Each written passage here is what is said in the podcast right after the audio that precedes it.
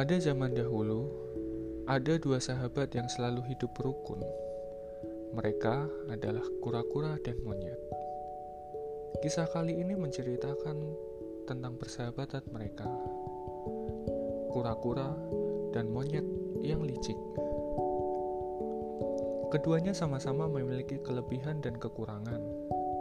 Kura-kura tidak bisa berjalan dengan cepat, namun dia sangatlah rajin Tak heran dia memiliki kebun apel yang luas dan sangat subur.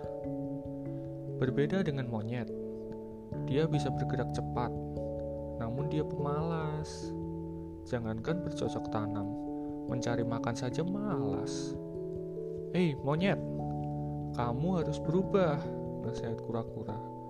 Kamu tidak boleh bermalas-malasan terus. Iya, besok aku mulai bercocok tanam deh, Kura-kura sangat senang mendengar jawaban monyet. Dia tak menaruh sedikit pun rasa curiga pada sahabatnya. Keesokan paginya, monyet terlihat sibuk mempersiapkan peralatan untuk bercocok tanam. Dia tampak bersungguh-sungguh bekerja di depan kura-kura. Kura-kura sangat senang karena dia mengira monyet benar-benar telah berubah.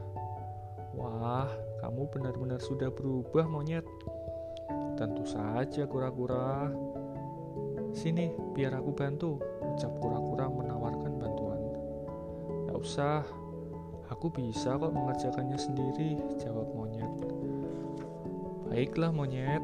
Kalau begitu, aku ke kebun dulu ya. Aku mau manen buah apel nih.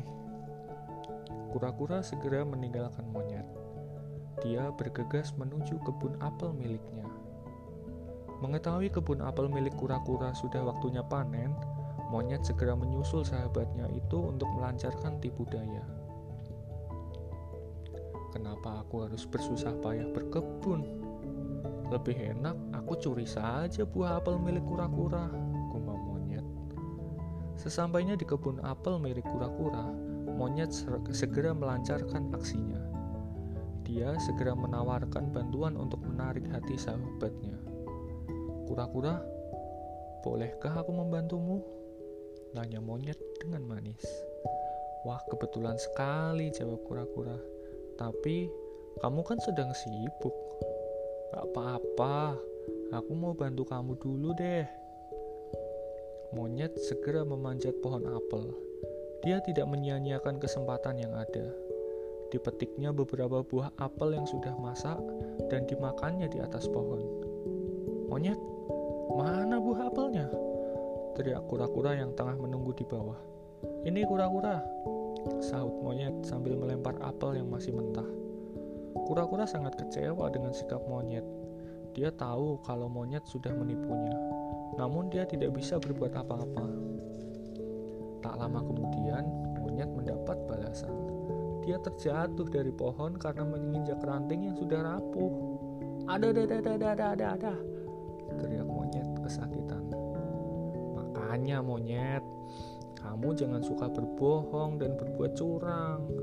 Uh, um, ma maafkan aku kura-kura. Aku janji tak akan mengulanginya lagi. Dengan lapang dada, kura-kura memaafkan kesalahan sahabatnya. Mulai saat itu, monyet tidak lagi menjadi pemalas. Nah, dari cerita ini kita bisa belajar kita tidak boleh menjadi seorang pemalas untuk meraih sesuatu, keberhasilan, kesuksesan. Kita harus menjadi orang yang rajin. Terima kasih.